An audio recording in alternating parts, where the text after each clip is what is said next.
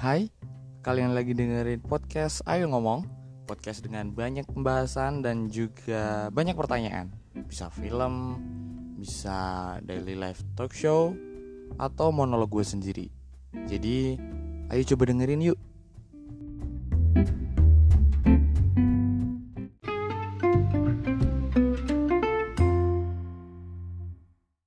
Oke oke balik lagi sama gue di podcast Ayo Ngomong. Uh, kalau sekarang uh, gue juga nggak nge-review film karena permasalahannya udah gue sebutin dari kemarin ya.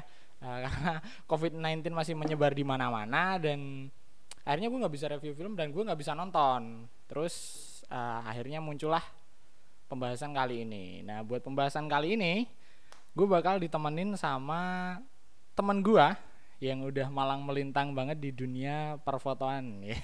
perfotoan. Coba kenalin dulu siapa nih teman gue nih. Halo, kenalin nama saya Dewan. saya terlalu formal ya? Iya, uh, uh, santai aja, santai Apa? aja.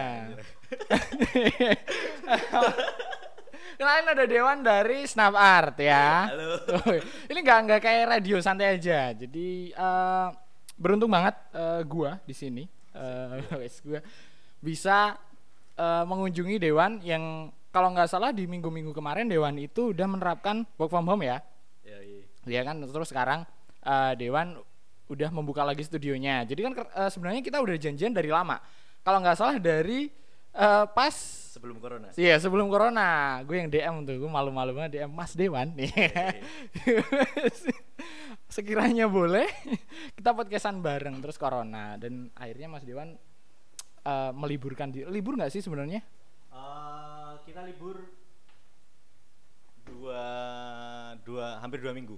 Hampir oh, dua iya. minggu iya. kemarin libur terus uh, beberapa teman-teman mengeluh bosan di rumah hmm. terus mau nggak mau ya mari kita buka tapi tetap dengan protokol yang yang bagus, maksudnya yang kebersihan dijaga, iya. kesehatan yeah. dan lain-lain, terus social distancingnya, fisikal ya, yeah, uh, dijaga, kayak gitu sih. Jadi ada ada ada batas-batasnya juga. Oke, okay, nah uh, ini juga terkait kebijakannya juga menarik sih karena uh, pada saat corona atau covid-19 ini baru masuk, bukan baru masuk, uh, nge-booming ataupun udah uh, udah masuk tapi belum terlalu terasa. -hmm. Sementara ada office-office yang lain, kantor-kantor yang yang belum menerapkan work from home hmm. dan uh, gue melihat di sini lu udah lu udah yeah. menerapkan work, work from home sebenarnya uh, kalau dilihat ya di di lingkup kita sendiri nih di lingkup kita sendiri kan uh, eh, COVID-19 ini uh, belum terlalu ngasih dampak karena kita masih lihat di jalan-jalan di daerah kita sendiri kan masih masih ramai kan masih, uh, masih uh, belum teredukasi dengan anu sih nah sebenarnya kenapa sih uh, kok akhirnya Mas Dewani mau buat ya udah yuk kita work from home padahal di di sini juga belum ramai banget tentang corona. Kenapa akhirnya? Uh, perlu diingat se sebelum uh, work from home itu kita uh, jauh tuh kita udah udah sering share tentang cuci tangan, yeah. tentang gimana sih uh, setelah kita berpergian uh, terus megang sesuatu terus cuci tangan itu wala walaupun saat itu belum ada positif corona di Indonesia. Mm -hmm. Karena kan beritanya di Cina emang serem kan itu kan. Iya. Yeah. Emang kan uh, kalau di kalau ngomongin film sebelum se, sebelum ini pun kita atau saya pribadi udah nonton The Flu kalau tahu ah, film The Flu. Iya. Yeah. Nah itu terus lihat efeknya, dampaknya, terus dan berkaca dari itu akhirnya nah, berkaca dari itu daripada daripada kan daripada daripada oke okay. nah, ya, ya mengantisipasi benar mengantisipasi sebelum kejadian uh, uh, uh. Terus, uh, sedikit-sedikit ngasih edukasi ya mungkin uh, Snapchat sendiri saya kan kerjanya di Snapchat ini kan yeah. di saya kan project project kita kan Snapchat ah, ah, ah. nah Snapchat sendiri kan dia bergerak di bidang foto foto iya yeah. Nah teman kan uh, Snapchat punya sedikit follower lah. Ya kurang lebih kurang lebih followernya itu uh, lingkupnya ada di ring satu ring duanya dekat studio. Ah, ah, ah. paling enggak Kulon Progo lah. Yeah. nah, di situ ya nyoba uh, edukasi dikit-dikit. Walaupun belum sampai teman kita harus dikit-dikit edukasi. Cuman ketika udah sampai ternyata juga serem juga. Terus, oh iya terus ketika udah udah udah masuk ke Indonesia dan udah di Jogja udah ada pemerintah udah ngasih himbauan untuk work from, work from home. home akhirnya ya mau nggak mau kita juga ikut work from home okay. karena kebanyakan teman-teman kan datang ke studio foto ya maunya Iya ya, karena interaksi ya. yang langsung Oh, ya. Rame, rame. Kebetulan sebelum work from home itu studio trafficnya lagi tinggi tingginya. Iya. Sekolah diliburin, Eh, iya. kerja kerjaan pada libur.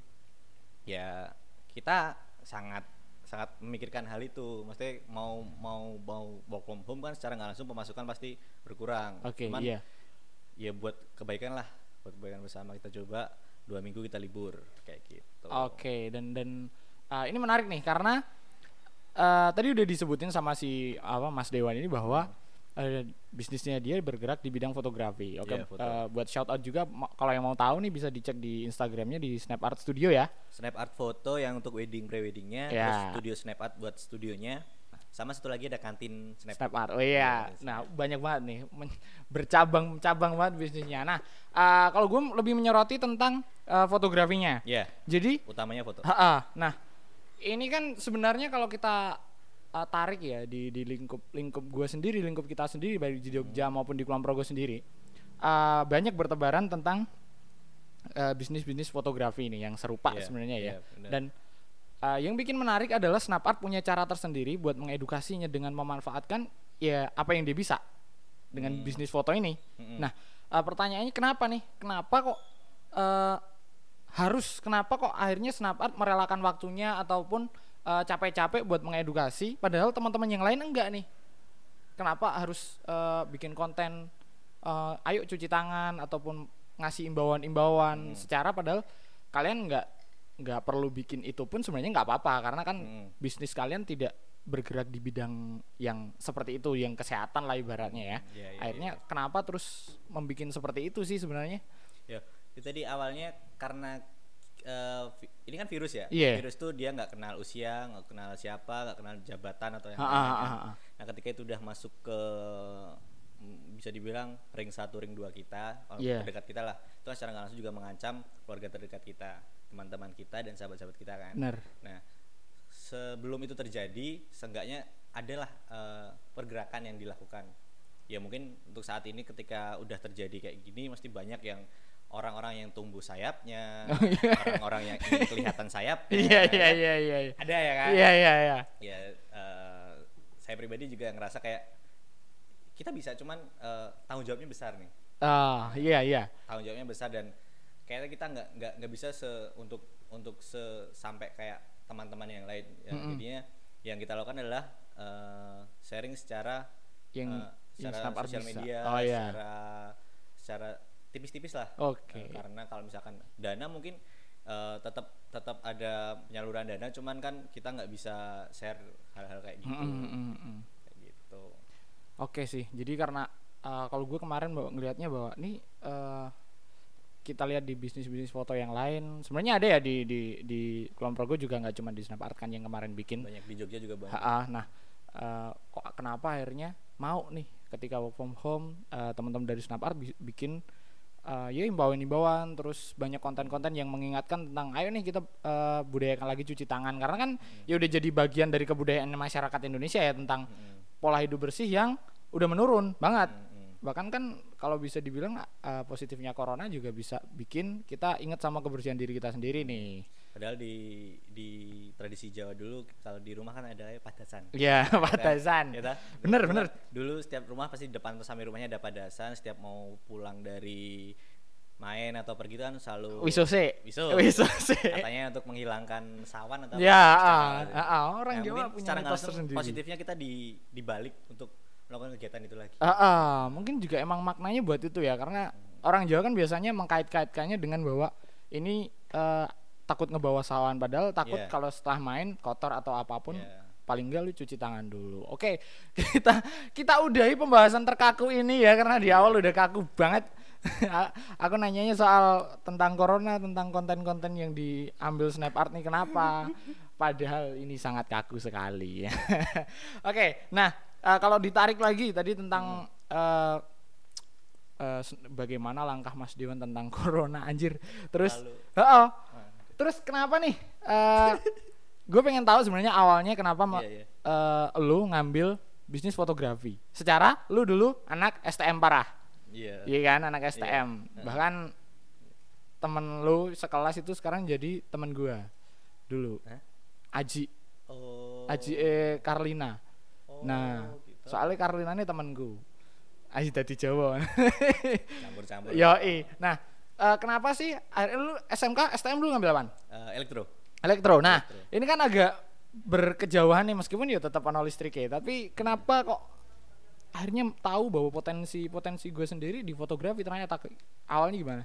Uh, awalnya jauh sebelum masuk SMK tuh awalnya nggak mau masuk SMK yeah. karena udah tahu dengan pasti banyak cowoknya. Oke okay, oke okay, ya. Itu serius. Uh, terus Jiwa pas boy ya.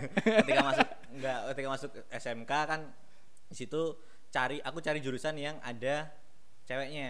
Oke. Okay. Yaitu di situ ada uh, komputer jaringan sama elektronika. Mm -hmm. Nah, kalau komputer jaringan nilai nggak masuk nih. Iya. Yeah. Elektronika ya tipis-tipis lah. Tetap masuk nah, tapi ya. Tapi dipak dipaksain dan ya akhirnya masuk elektronika sih ceritanya. Iya. Yeah. Dan ceweknya berapa? Setengahnya.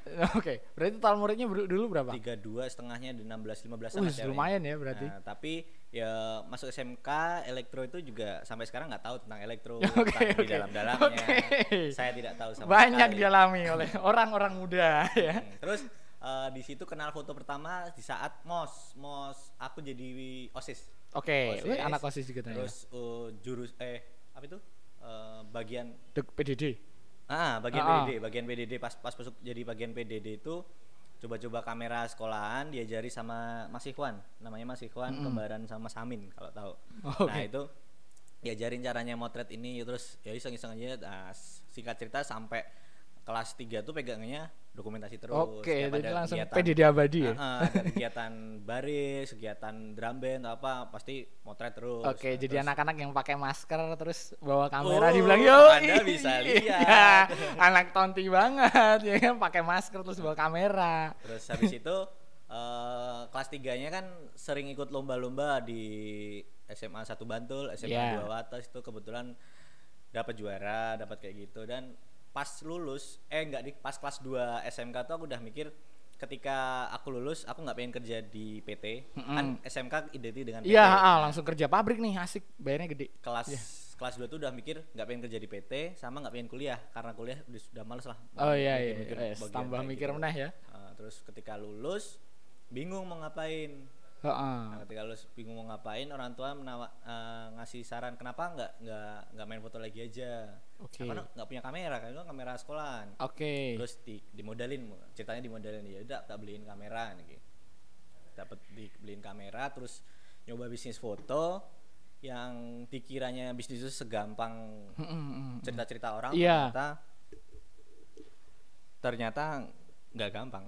Oh iya, terus Sangat. kan, nah ini awalnya bisa akhirnya uh, buat studio dulu studio di pucuk sana ya di pucuk Bendungan. selatan ya ya di hmm. Bendungan hmm. ya itu kenapa eh, uh, tadi kan berarti modalnya cuma satu kamera nih hmm. terus ibaratnya benar-benar lu sendiri dulu hmm. nah awal awal akhirnya terus memutuskan ini gua bisnisin aja nih itu mulai bisnis pertama dari mana bisnis pertama emang dari setelah dibeliin kamera itu emang langsung pengen bisnis Cuman kan hmm. dari situ kan kita uh, saya sendiri kan nggak tahu yeah. bisnis itu gimana sih. Paling cuma motret dapat uang. Cuman ternyata nggak nggak sesimpel itu. Banyak Dan, yang perlu dipikirin. Nah, terus job job pertama yang didapat job pertama dari teman sendiri. Itu mau tak apa? Temen dari motret couple. Waktu itu press listnya cuma lima belas ribu. Oke, okay, per foto. Mm -mm. Apa per Enggak, satu Asosiasi foto tuh uh, saya menghargai diri saya lima belas. Oke, okay, jadi jadi mau lo pose dari siang uh, sampai sore lima belas ribu uh, nih. waktu itu motret temen namanya Dian, tem sebetulnya teman sekelasku dulu yeah. waktu SMK. Dia sama pacarnya foto di alun-alun atas itu mm -hmm. di Taman Bupati. Gitu, nah, ya, ha, yang sekarang ada ininya. Uh, uh, itu lima belas ribu, bla bla muter muter muter se, se, sebisa aku. Ternyata dia kasih lebih, dia kasih lima puluh. Okay. Senang lah, ha, senang gitu. Dan, terus mikir lagi kayaknya lima belas ribu sangat murah deh. Iya. sangat murah sekali. Cuman nggak tahu dari dulu. Terus waktu itu buka YouTube buka buka belajar belajar di YouTube. Sedangkan pada saat itu YouTube sangat anu dengan kuota. Oh, iya. Nah, itu mahal lah. Oh, iyalah. buka YouTube tuh mahal banget. Nah, tapi uh, investasiku wak waktu di situ. Uh -uh. buka YouTube belajar terus ikut komunitas juga di Jogja. Walaupun komunitas motret-motret model cuman di sana banyak teman-teman yang yang udah malang melintang di foto dulu. Okay. ada teman-teman dari beda-beda pulau juga ada. Uh -uh. Jadi nah, tanya-tanya di situ. Jadi secara nggak langsung kayak kuliah, tapi langsung ya, kita, kita butuh apa langsung tanya apa uh -uh. gitu. Kayak gitu. Terus uh, gue tadi kepikiran bahwa kenapa lu nggak ngikut orang dulu dalam artian lu tetap di foto nih Hmm, tapi kenapa nggak kerja di orang lu pernah mengalami fase itu atau lu sebenarnya langsung ini gue sendiri langsung bikin snap art Eh, dulu eh, orang tua malah menyarankan aku ikut orang dulu di Anton Foto. Oh iya, Gitu. Anton Eh, Foto. kan eh, kebetulan eh, temennya temennya ibu, nah, ah.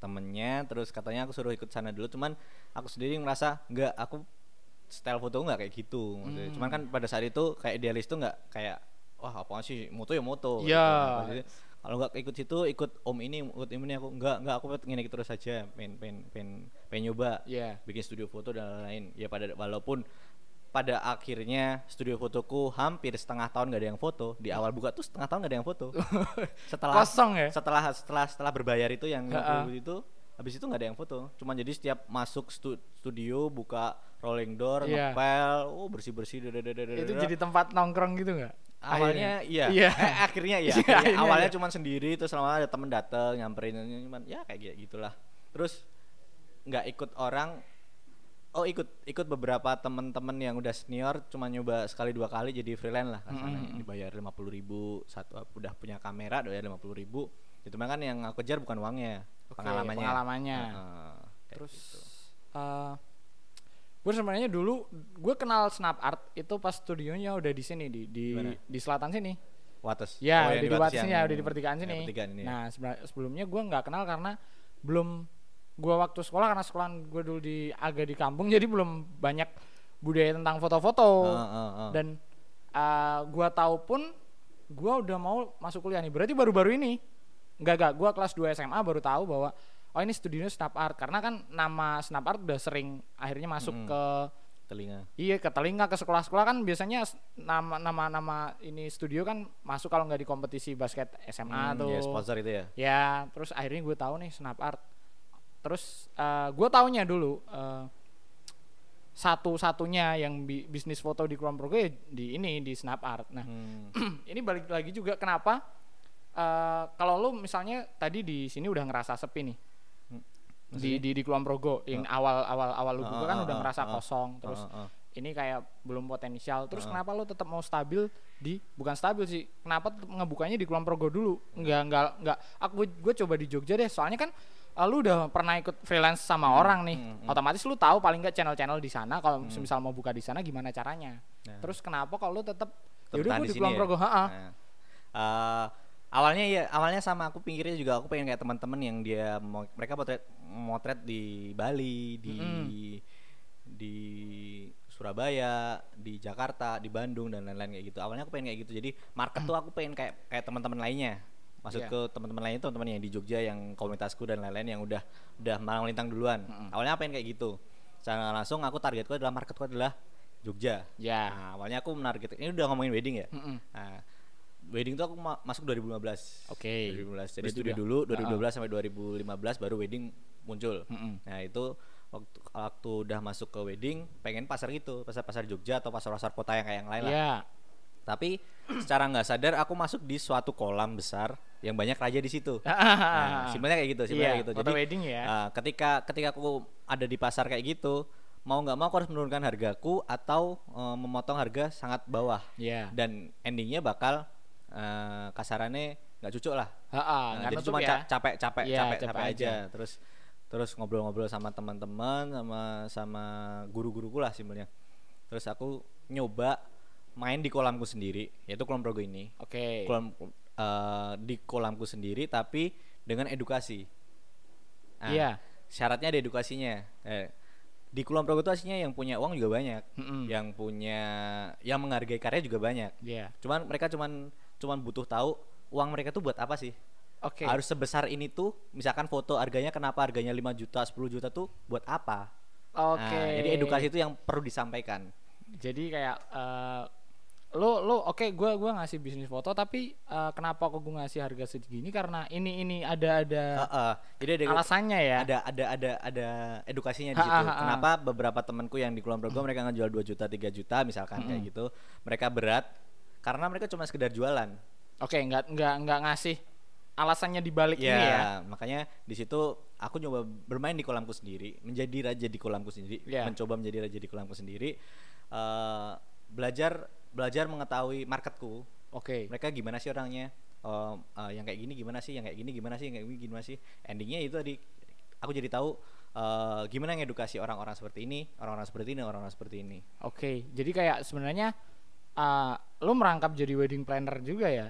Ya, enggak sih. Iya enggak? Enggak. Karena kan ya gue kemarin lihat di story-story lu tentang ini nikah adatnya harusnya kalau di atasnya udah Jogja yang bawah ini kalau enggak kostumnya udah Jogja tapi dekornya ya Nah, nah, nah, nah. ini nah, seru nih. Ini itu pasti tuh. uh, itu kayak uh, itu tuh pengaruh juga di portofolio kalau Iya. yeah. aku, portofolio hasil fotoku. Ah, ah. Kenapa hasil fotoku bisa bagus? Mungkin beberapa portofolio adalah portofolio yang emang mereka udah di plan sama wedding organizer. Oke. Cuman ketika klienku dia punya uang, Ha-ha. dia bisa bayar. Cuman dia nggak bisa ngelola pernikahannya. Ya, Nah, dia kan- udah lost aja ya. Heeh. Jadi kan secara nggak langsung ya sorry tapi mungkin kayak itu keluarganya atau orang tuanya yang ngatur kayak ini dekornya harus kayak gini, Ya. tendanya kayak gini. Ha-ha. Tapi dia kuat bayar buat foto misalkan, foto mahal sih Oke, bayarnya. oke. Tapi kan secara nggak langsung ketika kita motret kan mau nggak mau ya harus kayak gitu kan, dekornya seperti ini, baju Ya, seperti ini. kita tinggal eksekusi ya. Nah, pas di situ kan kalau misalkan mungkin raut muka dan lain-lain masih bisa dirubah, cuma kalau dekorasi dan lain-lain kan bisa dirubah. Iya. Apalagi ke tema. Ah, ah, Nah, ah. temanya random biasanya ya Iya. kan. Nah, di situ kita coba edukasi kalau foto-foto aslinya bagus. Kalau kamu bisa misalkan tendanya warnanya harus dibikin soft, dibikin kayak gini. Mungkin mereka tuh cuma nggak mikir sampai ke situnya. Mereka cuma mikir nanti kalau difoto sama sama snap art hasilnya pasti bagus. Iya. Cuman nggak cuma sekedar itu. Mm-mm. Harus ada ada Ada pendukung yang lain pendukung-pendukung ya. yang lain. Nah, itu kan kadang nggak disampaikan sama beberapa orang di, di Iya. sekitarnya. Kecuali kalau dia pakai wedding organizer. Ya, bahkan juga kalau ya kemarin kita udah sempat curhat, bahkan gue curhat Hmm. bahwa nggak nggak semua wedding organizer kadang bisa menawarkan bahwa harusnya pakai kostum yang ini nih atau atau Iya. baju yang ini nih. Iya, Banyak iya kan wedding yang cuek ya udah kita nerima cuannya, kita eksekusi Hmm. eh, nggak terlalu nggak usah banyak ngasih advice, nggak usah ngasih Hmm. saran, yang penting nikahan lu mau kayak apa ya udah terserah gu- eh, pasrahin ke kita, ntar terima beres. Hmm. Eh, kalau kalau kemarin aku ngobrol sama wedding organ- organizer juga, eh, mereka tuh ada dua dua dua tipe, wedding planner sama wedding organizer. Iya. Nah, kalau wedding planner tuh mereka biasanya menyiapkan semuanya dengan tema. Oke. Kalau wedding organizer tuh mereka cuma mengorgani- mengorganisasi ah mengorganizer acara itu doang. Iya. Pas pas di pas di acara. Pas di acaranya nggak Ah. nggak sampai ke detail-detailnya Ya. bahwa tentang Nah, cuman kan problemnya adalah kembali ke eh, portofolio yang aku buat oke. dengan marketku yang kebanyakan eh, bisa bilang 70% Kulon Progo. Ya. Nah, kan aku mau nggak mau harus bikin sesuatu yang bagus dan marketnya tetap sama, kena semua nih. Iya. Kalau di foto ini tetap bagus, nah itu kan ada alasan-alasan di belakangnya. Oke, Nah, dan- makanya buat itu "Eh, Mbak besok kalau misalkan mau nikah eh, eh, tendanya di sini ya atau warnanya kayak gini ya. Tapi nggak maksa sih, cuman Mm-mm, cuman cuman saran aja. iya. Kalau di foto bagus soalnya kayak gini gini. Ada yang mendengarkan, ada yang nggak. Hmm, Nah. biasanya kalau yang ngedeng- nggak ngedengerin, Ya nggak apa-apa. iya. Tapi ya kalau kita kita tahu sendiri karena di pasar kita di kelompok itu seperti Hmm. apa, pernikahannya seperti apa. Bahkan gue dulu sempat ikut pernah di wedding organizer, wah, Hmm. wedding organizer di kelompok sendiri juga uh, belum bisa buat dibikin kayak bukan modern, tapi bisa teredukasi bahwa ini bagusnya seperti ini kalau buat dokum- dokumentasi nih. Hmm. Banyak kan kar uh, mereka pengen sebenarnya yang sesuka hatinya, Mm-mm. tapi mereka nggak uh, memikirkan tentang unsur uh, bagus nggak sih di oh foto? iya. Sebenarnya kan gitu. Gue pengen warnanya Serasi nggak sih? Heeh, gitu, gitu. merah sama biru pokoknya bodo amat. Terus pakainya apa, dekornya apa, gitu sih. Dan Be- akhirnya lu gitu. Eh, nggak kalau beberapa beberapa beberapa yang aku pantau, maksudnya Iya. yang aku observasi itu orang tuh cenderung mendengarkan eh se- vendor yang dia udah punya nama Oke, secara ya, nggak langsung ya, itu, ya. itu sangat mempengaruhi. Ah, ah, ah. Jadi kadang ketika kita belum punya nama atau kita tuh siapa sih? Ketika kita ngomong tuh kadang nggak didengar. Mm-mm. Nah, Kayak baru baru juga segini gitu ya. Nah, cuman kalau ketika kita udah punya kena brand, kita udah punya eh, nama, secara nggak langsung orang pasti, oh iya, eh bener nih saran nih, bener nih saran kayak gitu. Oke. Jadi kadang kita tuh eh, kayak simpelnya kayak tetangga kita lah, tetangga kita eh, ngomongin kita, eh mas kalau mobil jangan biru lah, yang hijau aja warnanya. Mm-mm. Kita biasa aja. Bodo amat. Cuma kalau kita itu yang ngomong adalah pakar yang tahu tentang mobil, pasti kayak, oh iya hijau hijau bagus nih. Mm-mm, kayak gitu. kayak kayak langsung diterima Ah, aja ya. Oke. Nah, uh, masih tentang soal yang sama nih karena kalau kita bicara bisnis ataupun kita bicara usaha kita sendiri uh, itu masalah tentang kita ngikutin pasar atau kita punya idealisme sendiri. Nah, Maksudnya? Ya di sini ya kayak kayak kayak gue nih sebenarnya ya kalau gue bikin podcast ini Mm-mm. uh, gue bisa ngikutin pasar dengan uh, gue bicara yang relate relate aja Mm-mm. kita ngobrolin tentang- Aman-aman lah ya. iya ya yang yang yang terjadi sekarang apa ngikutin trending atau kita bikin trending sendiri Mm-mm. nah gitu tapi uh, kalau idealisme kan ya udah gue pokoknya tetap survive mau di jalan ini Mm-mm. uh, pasti gue tahu suatu saat ini bakalan pecah lah katakanlah gitu nah Mm-mm. sebenarnya lu sendiri di di fotografi ini Mm-mm. uh, lu benar-benar menerapkan idealisme lu benar-benar pikiran lu yang pokoknya gini atau lu ngikutin pasar juga sebenarnya Kalau lu sendiri lihatnya gimana? kalau kalau gue ya kalau Eh. kalau gue sendiri ngeliatnya kalau di wedding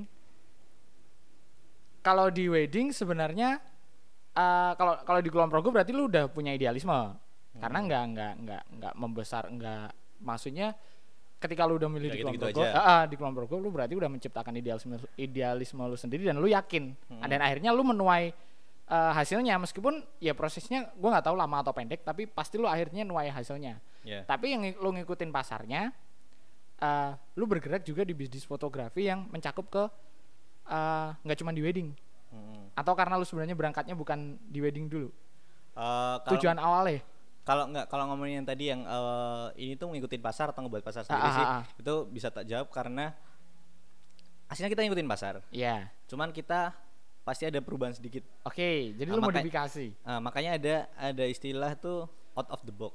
oke Cuman kalau aku out of the box, tapi jangan out, out of the box banget. Ah, ah, ah. Eh, eksekusi inside the box. oke eksekusinya tetap di ini Iya, ya jadi jadi eh, keti- ketika kita ngebuat sesuatu yang beda, pasar harus tetap nerima. Oke Ya, ya kebanyakan dari kita tuh kita ngebuat sesuatu yang beda, beda banget sampai pasar kayak, apaan sih lu gitu loh.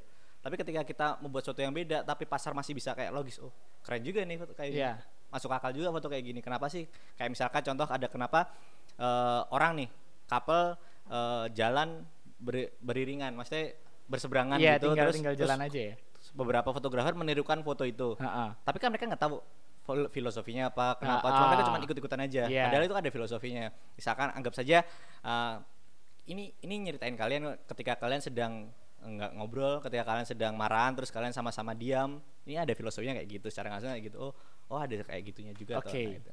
iya jadi eh, lu menanamkan di setiap foto lu itu harus ada backstorynya di balik itu semuanya Iya, kurang lebih kayak gitu. Ke dan setiap klien biasanya beda-beda sih. oke Jadi nggak cuma sekedar foto yang diupload aja, cuman ketika eksekusi di saat uh, sesinya itu juga pasti banyak cerita yang terjadi di situ. Oke, ah, terus gini, ketika bicara foto kita udah punya studio yang gede sekarang. ah, Enggak juga. wes, kenapa nggak bergerak di BTS, BTS buku apa? tahunan sekolah?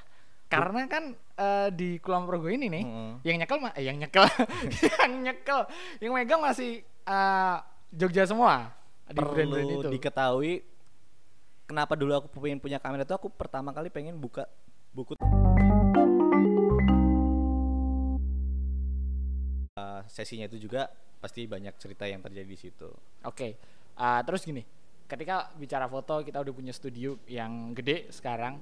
Enggak juga. Wes, kenapa nggak bergerak di BTS, BTS buku apa? tahunan sekolah? Karena kan eh, di Kulon Progo ini nih, Heeh. yang nyekel mah, eh, yang nyekel, yang nyekel, yang megang masih eh, Jogja semua di brand-brand itu. Perlu diketahui kenapa dulu aku pengen punya kamera itu aku pertama kali pengen buka buku tahunan sekolah. Oke, Pertama kali Ha-ha. pengen tuh buku tahunan sekolah. Karena pada saat itu jujur sekolahku nggak ada buku tahunan sekolah. SMK kan, Iya, STM, iya, gak ada iya. yang mau lah bikin. Serem banget, Mungkin kan? satu satu kelas mau, cuman kelas yang lain ada Iya yang mau nggak, kayak gitu. seribu kan satu angkatan. Terus iri sama beberapa SMA yang dia punya buku tahunan sekolah yang bagus, punya aku sendiri cuman hitam putih foto KTP kayak Iya, gitu. fotonya yang palanya kotak-kotak. Ah, aku pengen ketika besok lulus aku bisa buat kayak gitu. Tapi ternyata eh di situ banyak teman-teman yang ngasih tahu kalau sistemnya nggak cuma sekedar remotret selesai, masih udah cetak bla bla bla, kamu bertanggung jawab dengan satu sekolah, Iya. salah satu salah semua bla bla bla. Aku jadi kayak, wow ini kayaknya belum sampai situ deh, belum belum. Cuma Oke. makanya aku buka studio foto dulu yang masih resikonya masih kecil lah maksudnya secara nggak langsung walaupun belum bisa diterima di Kulon Progo pada saat itu studio foto karena studio foto kan pada saat itu kebanyakan foto-foto KTP Iya, bener banget. foto-foto pas foto Kalau ganti kita- background belakang gunung Nah, pemandangan pemandangan terus di pinggir kayak sungai-sungai. Nah, makanya kan terus kita nyoba uh, kamu bisa kok foto studio sendiri atau uh, bergerombol dengan teman backgroundnya cuma putih aja tapi bagus hmm, hmm, hmm. oh iya toh terus awalnya nggak ada yang terima itu tadi tapi ketika udah ada contohnya ada hasilnya dan lainnya mereka juga pelan-pelan dikit-dikit sesuatu yang kelihatannya bukan kebutuhan pokok jadi secara langsung mereka jadi ngerasa kayak butuh nih gua foto iya, bagus dokumentasi gitu. ya nah, daripada gitu. backgroundnya cuman eh backgroundnya di gunung iya. ntar fotonya wisuda backgroundnya di gunung ya pemandangan oke okay, uh, eh, terus uh, setelah sekarang lu hmm. tetap nggak mau ngambil di BTS ini berarti Hmm, malah sekarang malah nggak mau. Nggak mau. Kenapa? Ternyata ribet. Oh iya, ribet iya, sekali. Iya. Dan gua... cuma satu dua orang yang bisa ngerjain. Maksudnya banyak banyak orang yang harus ikut uh, ahli di situ. Gue dulu pas SMA BTS gue di di mungkin lu kenal Siapa? di yang ngambil ngambil BTS gue bahkan krunya Harry Harry Supriyatna.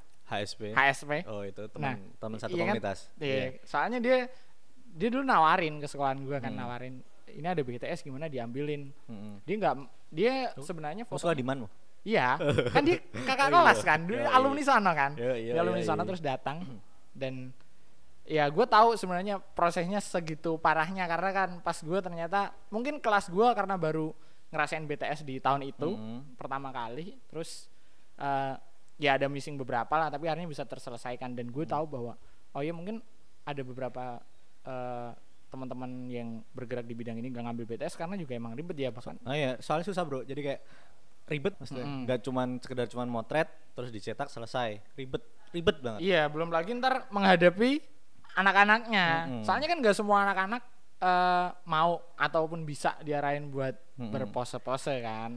Ternyata itu ada ada triknya juga sih beberapa. Okay. Triknya ketika kemarin aku ngobrol sama orang buku tahun sekolah kayak gitu, yeah. ternyata ada jual beli juga di dalamnya ketika salah satu misalkan bisa dibilang kayak pentolan kelas sekolahnya yeah. harus dibayar 5 juta 10 juta dulu baru sekolahnya bisa ikut pakai vendor itu juga atau apa itu itu ada ada kayak sampai segitunya juga. Oke, okay, ada ya. Soalnya kan di Jogja kan perang juga bisa dibilang. banyak banyak banyak vendor banget. buku tahunan sekolah yang yang A, B, C, ya, yang menawarkan e, ntar A, ntar bisa sama prom lah gitu. Ya, banyak-banyak lah pakai ada juga yang itu tadi sampai sampai se, se sekeras itulah. Kamu pegang satu orang pentolannya, kamu kasih uang dan dia harus dengan kewajiban dia harus bisa mak bisa menyuruh satu sekolahan pakai vendor itu. Nah, sampai saya kayak gitulah. Oke. Okay. Terus uh, lu kan dulu di di Bendungan nih, Bendungan terus akhirnya hmm. pindah ke Wates. Kenapa hmm. pindah ke Wates? Apakah kayak ibarat manusia purba nih, lu bener nyari ke sumber yang paling banyak airnya atau gimana gimana? Uh, awalnya aku pengennya buka studio tuh di Wates awalnya. Oh, iya. awalnya. Iya. Cuman kan dulu nggak nggak ada kontrakan. Mm -hmm. Terus uh, ada satu kontrakan kebetulan disewa sama ibu kan kecil di deket pertigaan itu juga sih. Pengen buka di situ tapi uh, ibu ngasih tahu itu nggak boleh buat foto. Soal kenapa? Karena yang punya juga punya foto awalnya. Terus okay. uh, eh, ibu punya di kebetulan kontrak tapi belum dipakai di bendungan. Pakai aja dulu. Nah, ini dipakai. Terus awalnya aku nggak mau. Loh aku tuh pengen pengen membuat sesuatu yang berbeda. Yeah. dan aku harus ada di tengah kota. Kalau nggak kayak gitu aku nggak nggak bakal dilihat orang. Yeah. terus ya mau nggak? Kalau nggak mau ya udah nyari sendiri. Terus terpaksanya ke bendungan. Nah, ah, buat ya cek ombak dulu ya. Ya terus ya itu tadi susah jatuh bangun susah banget. Dua tahun tuh dua tahun di bendungan sampai orang jadi tahu ya, sampai orang dari luar daerah dari Bantul Sleman tuh bahkan sampai mereka ada yang datang? datang ke oh. bendungan karena karena mungkin suka fotonya atau nggak -hmm. tahu kenapa. Akhirnya setelah dua tahun selesai kontraknya kita pindah ke Wates. Nah pas di Wates tuh baru dikasih tahu sama orang tuaku Nah, dulu tuh aku nggak bolehin kamu di Wates dulu karena kamu biar kamu susah dulu. Oke. Okay. Ternyata benar. Iya, yeah, iya. Biar kamu susah dulu. Biar struggle dulu ya. Biar biar kamu tahu gimana sih usaha tuh gimana nggak cuma sekedar ada uang terus kamu bisa kerjain tuh nggak cuma sekedar gitu. Ternyata emang ya lumayan mengasah otak juga sih. Dan akhirnya sekarang ya segini ya. Ya ini juga sama juga masih kontrak. Oke. Okay. Karena sistem kontrak masih masih aku pertahankan, masih masih nyaman lah kontrak. Oke. Okay. Gitu. Uh, tadi udah kita korek soal kefotoannya dan sebenarnya gue cukup tertarik karena uh, sebagai lu bisa dikatakan owner gak sih di sini owner ya? Iya bisa sih. Tapi sistemnya kerja bareng apa? Uh, sistemnya aku juga dibayar. Oke. Okay. Dibayar sudah pasti. Jadi setiap aku motret uh, nikahan atau apa itu aku juga dibayar. Jadi ketika aku nggak berangkat ya aku nggak kasih dapat uang. Oke. Okay. Eh, ada sih uang cuman uh, uang pengelola masuknya. Iya iya iya. Bukan iya. uang gaji motret soalnya kalau gue lihat di uh, beberapa yang gue ikutin di Instagram Snap Art uh, lu sebagai dikatakanlah ya number one-nya lah nomor satunya di uh, Snap Art ini masih beneran ikut turun turun kerja di uh, setiap wedding wedding yang lo ambil Mm-mm. padahal lu kan sebenarnya udah di nomor satu nih lu bisa lah kasih ke siapa orang kepercayaan lu biar ya udah take aja gue ngurusin setiap kalau ada deal-dealan sama klien Hmm. apakah eh, karena ya gimana ya apa lu udah ngeras eh, ini yang gue gedein dan gue tetap harus gedein ini terus atau gimana? Karena foto termasuk kayak passion jadi ketika nggak motret itu rasanya kayak ya ya ya bisa aja sih. Ya, oke. cuma rasanya kayak ada yang kurang. Ah, ah. itu pertama. Yang kedua ketika aku nggak motret misalkan aku aku udah mulai merubah ini jadi sistem yang benar-benar bisnis. Iya. yang benar-benar komersil banget nih. Terus aku di balik layar kayaknya belum belum saatnya kayak di situ. Oke. masih masih aku harus ini tuh juga belum dapat ini tuh juga belum apa apa masih masih proses jauh banget lah. Ibaratkan kalau kita misalkan dari Jogja mau Jakarta itu tuh belum sampai Jakarta. Oke. Gitu. Jadi setiap usaha kan pasti ada roadmapnya roadmap. Dan dulu dulu kita nggak tahu roadmap kita nggak tahu tujuan kita mau arah mana sih mau ke sampai di mana tuh nggak tahu. Makanya kita muter-muter kalau dari Jogja Jakarta paling muter-muter di Purworejo Iya. Semarang dulu kesasar ke malah ke Surabaya dulu ya nggak lurus-lurus ya jalannya ya, ya makanya prosesnya jadi kayak kesannya lambat. Cuman ah, menarik kesimpulan proses yang lambat ini eh, ngasih pengalaman yang sangat banyak. Sampai Oke. sini Eh, terus ketemu teman-teman yang udah pro duluan kayak Alvin kayak Reza Prabowo dan lain itu kan semakin semakin semakin tahu oh ternyata arahnya yang bener tuh ke Jakarta. Naiknya kalau mau cepet naik kereta atau cepet naik pesawat terus harus lewat sini lewat Oke. sini kayak gitu. Itu kan roadmap Iya. Nah, kayak gitu. Terus ya, kembali ke pertanyaan tadi yang tentang kenapa masih turun kerja? Atau yang mana? Eh, eh, yang, yang masih turun kerja tadi ya karena itu tadi passion. Oke. Yang kedua karena butuh uang juga. Masukan pribadi ya tetap ya. Iya tuh butuh uang soalnya. Itu tadi pemasukan harus ya, ya gimana ya? Ya karena saya saya kerja walaupun punya punya bisnis tapi juga dibayar oleh bisnis itu juga. Oke. Nah, uh, berarti emang udah bergerak di passion banget ya. Jadi emang nggak bisa Hmm. dikalahin ya kalau yang namanya udah uh, ada sih yang bisa ngalahin. Bias- biasanya sepak bola. Nah sepak bola itu ol- olahraga yang hobinya ngelebihin ngelebihin motret. Oke. jadi ketika tiba-tiba ada kompetisi sepak bola yang aku harus ada di situ biasanya wedding aku lempar ke orang. Oke. eh teman-teman aja yang berangkat teman-teman aja teman aja. Aku aku mau fokus fokus sepak bola dulu. Kayak gitu karena emang udah kenal bola dulu dari sebelum motret. Oke, jadi oke, jadi walaupun gak dibayar Iya, main iya, bolanya Iya, iya, tetap cuman dibayar. seneng aja main bola tuh passion banget Oke, jadi passionnya yang mana nih? Passionnya ada dua nih berarti nih. bola dulu Oke, bola dulu ya. Harus suruh- Secara kita pernah main futsal bareng ya. Yoi. Yoi, bro. Tapi sekarang ada apa libur ini jadi nggak futsal ya? apa Ada libur dipaksakan ada Mm-mm. covid ini berarti nggak futsal dulu nih? enggak Enggak ya? rasanya mumet eh. Awalnya rasanya ngeluh bos. Nggak Waduh waduh. futsal nggak sepak bola Iya. Dan oh iya, eh, dan bahkan karena saking passionnya, passionnya, saking eh, hype-nya lu di sepak bola, lu bahkan kalau semisal tim itu persop, lu sampai bikinin itu Iya, tuh, itu iya. emang lu sebenarnya pengen apa emang Pengen. udah ada kerjasama antara persop enggak, dengan itu? enggak. karena persop sendiri kan eh, tim desaku Oke udah gini di, banget ya. di situ pun kita semua nggak ada yang dibayar nggak ada pokoknya itu intinya emang main ya main aja em- emang senang gitu Oke. bahkan aku aku sendiri kontribusiku di sana apa selain main makanya ah. aku coba eh, mengiklankan eh, sene- eh, persop itu dengan dengan caraku Oh, dengan iya. yang aku bisa Iya. ya bisa aku ya kan motret kan motret aku masukin aja dia walaupun klub desa tapi stylenya udah style kayak Yoi banget. uh, tim yang Yoi banget. yang sok-sokan udah udah besar iya, aja udah kayak Liga Inggris mau main ini. Iya, udah ada foto personal pemainnya, Iya. ada coachnya, ada ada ketika latihan dan kayak gitu ya, ya kepuasan tersendiri. Oke, jadi kalau emang udah udah terlanjur in banget sama hobi, Mm-mm. dibayar nggak dibayar ya ya udah ya. Itu juga di ketika ada orang tuh abis abis buat project itu kan beberapa klub tuh menawar menawar. Oke. Heeh. Buat buat Mas, eh, itu. bikin kayak gitu dong kayak gitu. Oh nggak bisa ini. Oh ini Mahal khusus ya. ya. Oke, iya, iya, iya. Padahal nggak nggak tahu harganya berapa dan Ah. ketika itu dibayar pun misalkan simpelnya mau dibayar 5 juta atau berapa itu tetap kesannya kayak aduh kayaknya nggak bisa deh kalau nggak dari Iya, hati kayak gitu. nggak nggak pakai hati ya, ah, karena kalau di persop pakai hati banget Pakai nih. hati Iya, banget, iya, iya. seneng. Walaupun di foto itu nggak ada akunya, karena Iya, ada motret. ah, ah. Nah, tapi seneng aja rasanya. Tapi seneng, soalnya kalau gue lihat, wah ini kayak buset nih. Ada teman-teman teman gue yang bilang, Hmm. nih ini si Dewa ini sebenarnya dikontrak sama si Persop apa gimana nih? Soalnya kan uh, mungkin di Kulon Progo uh, hmm. ini Tarkam ya sebenarnya Tarkam yeah. atau ya orang-orang gitu ya orang sininya maksudnya liga liga satunya di sini. Liga satu uh, uh, gak, dapat duit tapi pas main juga kasar semua. Iya, itu pakai hati semua kan. tapi secara display kok ini persop bisa mengambil so-soan ya? Iya bisa bukan sosokan sih.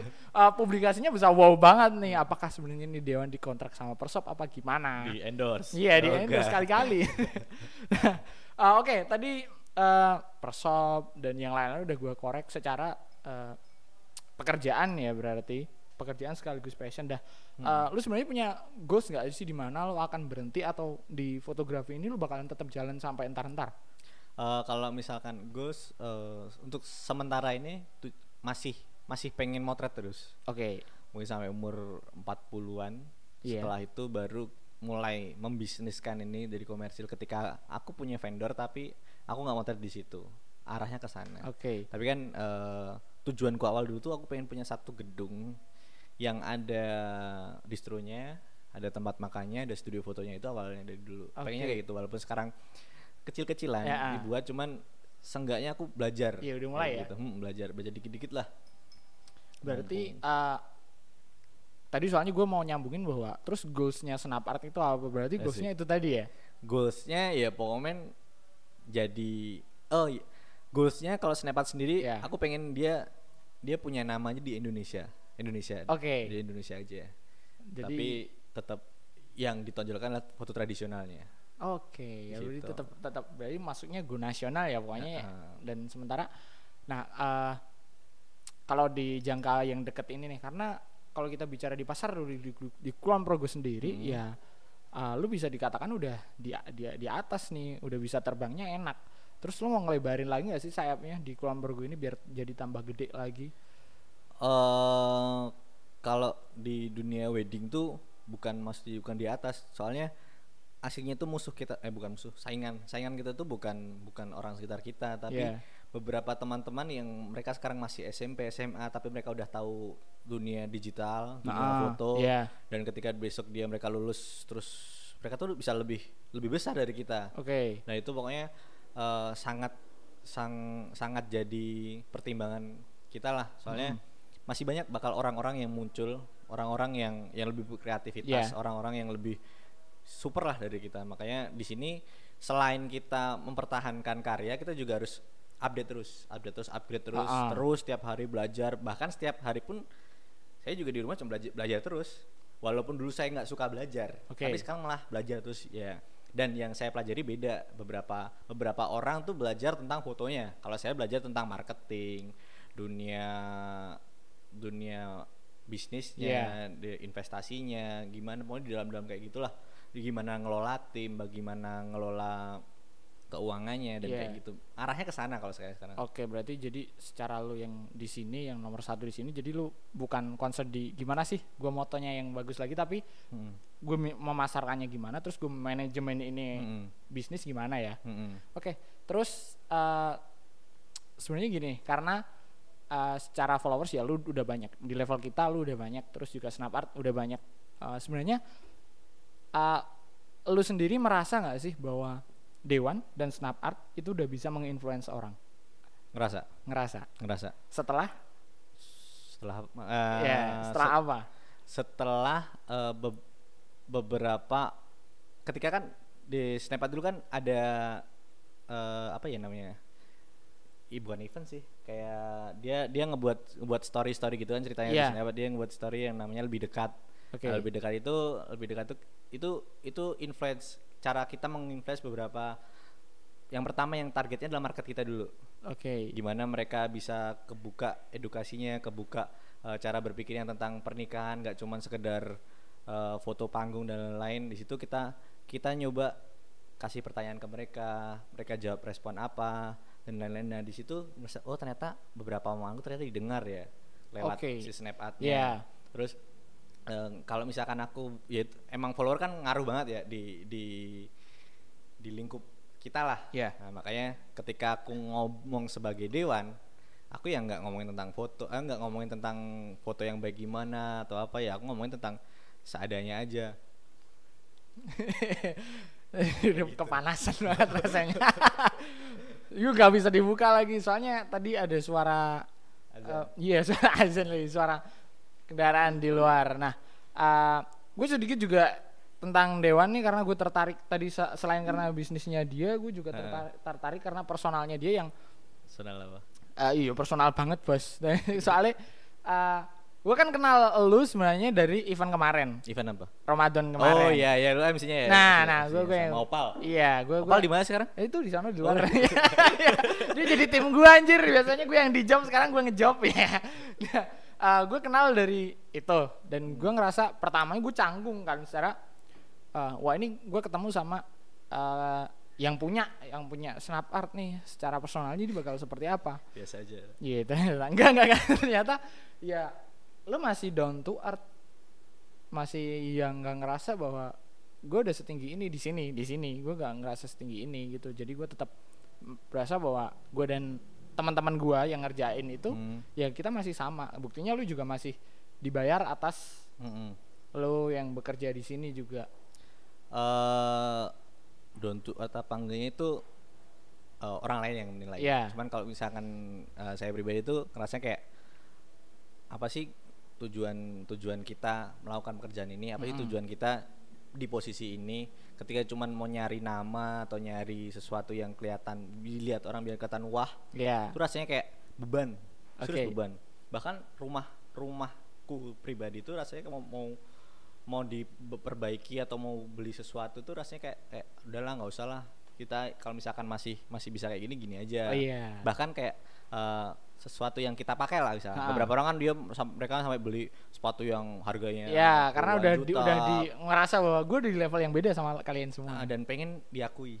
Oke. Okay. Beberapa orang pengen diakui. Iya, iya, iya, iya. Ya, makanya uh, aku nggak mau di aku nggak mau di level itu. Oke. Okay. Karena beban, beban banget. Mungkin pernah waktu awal-awal ngerasa, "Wih, aku punya punya fans nih. Aku, yeah. aku punya follower yang nih, punya ada yang beberapa yang emang kagum secara personal." Cuma lama-kelamaan kayak duh kayak buat apa sih kayak gini? Sampai apa bahkan sampai ketika kita kita ngerasa kita tuh punya beban kita tuh mau ngapa-ngapain tuh jadi kayak susah. Hmm, bahkan iya. posting hal-hal biasa yang receh-receh cuman selfie biasa itu kayak ya masih. Padahal kan dia kan udah kayak gini kenapa ya. postingnya masih kayak gini? Takut kepikiran sama orang lain ya? Nah itu tuh suatu yang yang gak enak banget. Uh, makanya nyoba ya opo anaknya teman-teman aja. Okay. misalkan aku intinya aku pengen pengen biasa tapi juga pengen uh, paling nggak berguna lah sedikit-sedikit kayak gitu. Oh. Walaupun kadang aku juga masih melakukan hal-hal yang mungkin kelihatannya kayak, eh maksudnya kok kayak ini sih Fonge. Oh iya. Yeah. Ya kan nggak kita nggak bisa menyenangkan ah, ah, ya. semua iya, orang. Nggak bisa ya. semua orang. Menurut orang lain buat seneng lu semua juga belum tentu bisa ya. Mm -hmm. Berarti gitu. uh, ah, gue ngerasa bahwa lu bisa udah bisa menginfluence orang yang dari postingan kemarin gue ngerasa uh, yang, yang yang covid yang lu bener-bener concern tentang covid lo bikin konten A B C D serangkaian itu akhirnya iya nih bener-bener uh, padahal aku bukan dokter bukan suster bukan iya. tapi kan uh, setidaknya bahwa lu bisa menginfluence dengan apa yang udah lu dapat secara sosial media ini ya kontribusiku ya cuman cuman sekedar itu yang yeah. bisa aku pertanggungjawabkan mm -hmm. aku aku tuh pengen kayak teman-teman yang lain yang mereka eh, bikin bikin sesuatu APD bikin yeah. bikin donasi atau apa cuman aku cuman takut gak bisa bertanggung jawab di situ Okay. Misalkan aku bikin sesuatu terus aku mungkin yang bisa aku lakukan cuma kadang ide. Beberapa teman-teman juga kadang uh, ya sih kita menghadapi ini aku cuma ngasih ide atau beberapa kayak kemarin contoh ada temen-temen dia mau pinjem alat apa itu namanya yang buat nyemprot nyemprot nyemprot rumah yeah. nah, kayak gitu terus aku kadang mikir kayaknya kita nggak efektif ya kayak gini daripada kita nyemprot setiap hari ke rumah-rumah mending satu rumah kita edukasi buat sendiri oke okay. apa uh, disinfektannya yeah. buat sendiri kita ajarin atau kita buat bareng-bareng terus kita bagikan terus mereka bisa nyemprot itu sehari sekali mungkin di rumah mereka daripada kita harus tiga hari sekali nyemprotin rumah serumah serumah itu malah lebih dan lebih lebih praktis ya lebih, lebih kena juga iya. kan mereka uh. dan kalau berkaca di sini sebenarnya adanya wabah ini di Snapart sendiri gimana? Dampaknya kerasa banget gak sih? Uh, dampaknya sama seperti teman-teman yang lain yang punya usaha. Iya, iya. Usaha apalagi usaha yang bukan di bidang yang bukan pokok lah sih. Jadi uh, pertama dari wedding, wedding kita beberapa postpone, nggak di cancel teman di postpone di yeah. ditunda lah. Ha-ha. Ditunda sampai setelah lebaran jadi bisa dibilang kita libur awal. Biasanya kan libur kalau dunia foto kan liburnya di puasa sama lebaran Iya. Nah ini dua bulan sebelumnya kita udah libur. Kayak jadi secara secara finansial ya untungnya kita dari awal tuh udah mempersiapkan hal-hal yang dari mesti ada uang yang tak terduga lah kita siapkan Oke, untuk udah hal kayak ada gini. Tabungan Ah. di saku lain ya ibaratnya. Ya kayak gitu. Terus yang kedua untuk studio, studio kemarin tuh kita work from home.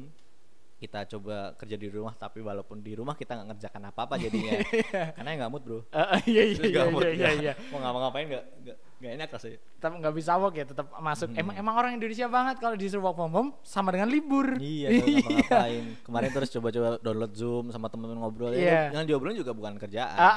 Sama kayak gue gitu. juga kuliah online juga sama aja nggak bisa kuliah online orang nge-zoom juga ngobrolnya juga tentang Terus eh, kantin juga, kantin juga kita liburkan studio sama kantin hampir dua mingguan libur. Mm-mm. Terus teman-teman ada beberapa yang, yuk berangkat yuk, Eh, tapi yo dibatasi apa weh, yang penting kita berangkat aja biar ada pemasukan nih, maksudnya soalnya bulan ini kita, nah itu kan sama sama sama teman-teman yang lain yang punya usaha, mereka juga punya tanggungan ke teman-teman yang lain kan. Oke. Nah, Snap Art juga sama, kita juga punya tanggungan ke beberapa teman-teman. Ya udah kita kita buka aja. Ya walaupun aslinya asa nggak usah buka pun eh, tetap ada ada ada sendiri lah yang disisihkan untuk untuk hal, -hal kayak gini. Cuman kan Iya. kita coba kita coba dulu sebisa sebisa mana sih market kita menerima kayak gitu. Nah, eh, lo tadi cerita eh, bahwa gue pengen punya gedung yang gede di mana Mm-mm. itu isinya studio foto, Mm-mm. makanan sama Distro. distro nih. Heeh. Nah, makanan udah nih udah nyoba. Heeh. Eh, ke clothing, lo ada rencana nyoba atau sebenarnya udah? Udah pernah dulu. Udah pernah dulu. Dulu, Namanya Snap Art Cloud. Oke. Nah, waktu di Beduan kita jualan Snap Art Cloud. Eh, waktu pertama booming boomingnya Snap Art tuh. Oh, iya. Tuh, Jadi 24 baju, eh, dua lusin ya tuan ya. Dua Iya. lusin dalam sehari sold out kayak, kayak Oh iya, gitulah it- dulu waktu Itu pre-order atau ready stock? ready stock dulu. Ready Dan- tapi ya sama sistemnya kita harus eh, bikin edukasi dulu ke Iya. kita mau buat merchandise nih. Heeh. Eh, be- eh, munculnya besok Jumat. Cuman ada 24 baju. Dan oh ya dikesanin kayak Prinsipnya limited ya? sama kayak masker. Ketika kebutuhan meningkat, ke eh, alat alat eh apa tuh? produknya sedikit Iya. itu pasti dicari orang. Oke, kayak Sebenarnya berasa limited ya? Nah, eh, Oke. Kayak yang dilakukan sama Kompas sekarang dia kan sistem kerjanya kayak gitu. Oke. Nah, sekarang lu mau bergerak di situ nggak untuk merealisasikan sebenarnya impian lu mau re- lu realisis re, astagfirullah. lu realisasikan semua apa enggak sebenarnya? Pelan-pelan, Bro. Oke. Ternyata susah ternyata ketika ketika ngebagi semua tuh Pasti secara nggak langsung otak kita ngerasa kayak aku bisa nih bikin ini, aku bisa bikin ini, bikin ini, bikin ini. Oke. Tapi ternyata pas realisasinya susah. Ah. Soalnya kan harus dibagi-bagi. Iya, Ini- harus ini. menghandle tiga tiga tempat ya katakanlah Nah, ya. seharusnya kayak gitu harus ini dulu studi dulu sekarang aja aku udah masih masih mikirin tentang wedding pre weddingnya tentang studionya tentang kantinnya ya walaupun pelan pelan tapi harus ada prioritasnya dulu di mana terus yang nggak diprioritasnya di mana dulu terus kalau ke sini ada problem terus di sininya gimana cara nutupnya kayak kayak gitu Oke, dan ini berarti eh lu masih menghandle sendiri maksudnya? Secara main secara pemikiran ini bulan pemikiran lu atau lu sebenarnya dapat influence dari orang juga? eh bisa dibilang tuh saya eh di sini tuh jadi dalang. Oke. jadi dalangnya. Ah. dalangnya walaupun nggak langsung tapi eh, pusatnya itu semua tuh ada di di saya. Misalkan studio harus arahnya ke sini nih kantin harus ke sini. Kita nyoba yang ini dulu. Oh, kalau nggak bisa coba yang ini. Wedding coba arahkan ke sini. Kayak kayak gitu. Berarti secara kalau secara struktur tubuh benar otaknya di lu, iya biar yang eksekutor yang lain. eh, head kreatif kayak kalau misalkan teman-teman Iya iya disebut head kreatif. kreatifnya. Dan akhirnya lu nemu seorang bernama Tinto tadi ya. Nah, kalau Tinto tuh eh, dia jadi yang emang yang megang studio ini Oke. head, head, head studionya Iya. jadi dia masalah masalah eh, alat-alat tuh dia yang lebih tahu Dia yang gitu. tahu benar makanya yang paling ribet tentang ya per inian semuanya Tinto semua nih. ya ada sendiri-sendiri megang-megang sendiri-sendiri beberapa teman-teman makanya eh, nggak misalkan si A bisa bisa melakukan ABCD nggak bisa juga. Dia mesti ada khususnya dia megang ini doang. Terus si B bisanya megang ini doang. Jadi kita semua kerja tim lah di sini. Oke, jadi eh, meskipun ini op- opini gue nggak tahu lu ngapainnya bener apa salah meskipun udah ada eh, pangkat ya katakanlah udah ada dia yang head studio ini tapi kerjanya tetap sama. Apa gimana? Ya tetap sesuai job desk masing-masing. Oke, berarti emang udah ya ya. Di sistem itu namanya Iya, sistem. Oke. Nah, yang dipelajari namanya sistem. Iya iya. Mantap banget nih. Gue kayaknya udah lama banget eh, ngobrol sama Dewan. Soalnya tadi di luar mau ngobrol sedikit eh, mau ngobrol tentang apa yang mau diobrolin ntar takutnya eh, nggak seru kalau kita ulang lagi ya. Jadi ya udah padahal udah diulang sih nggak apa-apa. Oke. Oke, eh, itu tadi ngobrol gue sama Dewan. Eh, makasih banget Dewan udah Oke. eh, datang ke sini. Enggak, gue yang datang datang ke sini. Gue yang datang. Terima kasih gue udah boleh datang ke Snap Art. Eh, Kapan-kapan besok kalau wisuda gue ke sini pokoknya ya. Asik. Iya. udah gue rencanain dan terima kasih buat Opal yang udah ngetimin gue. Jangan lupa dengerin segala kata podcastnya si Opal ya. Terus eh, nggak tahu gue juga menyarankan Dewan buat bikin ini juga nih. Enggak, Iya. aja. Buat bikin podcast juga kali-kali ya kan ada Mesa yang bisa ngomong kan. Iya. Hmm. Makasih banget eh, udah eh, mampir ke Ayo Ngomong. Jangan lupa Ayo buat Ngomong. iya. Jangan lupa buat teman-teman gua yang ngedengerin podcast ini tetap dengerin Ayo Ngomong. Eh, karena akan ada pembahasan banyak selanjutnya Hmm. dan sekian dari gua. Gua Ucil dan Alex. Wah, Alex. Alex. Alex. Ada siapa di sana? Saya Dewan. Oke, pamit dulu. Jangan diem pokoknya. Ayo ngomong. Ayo.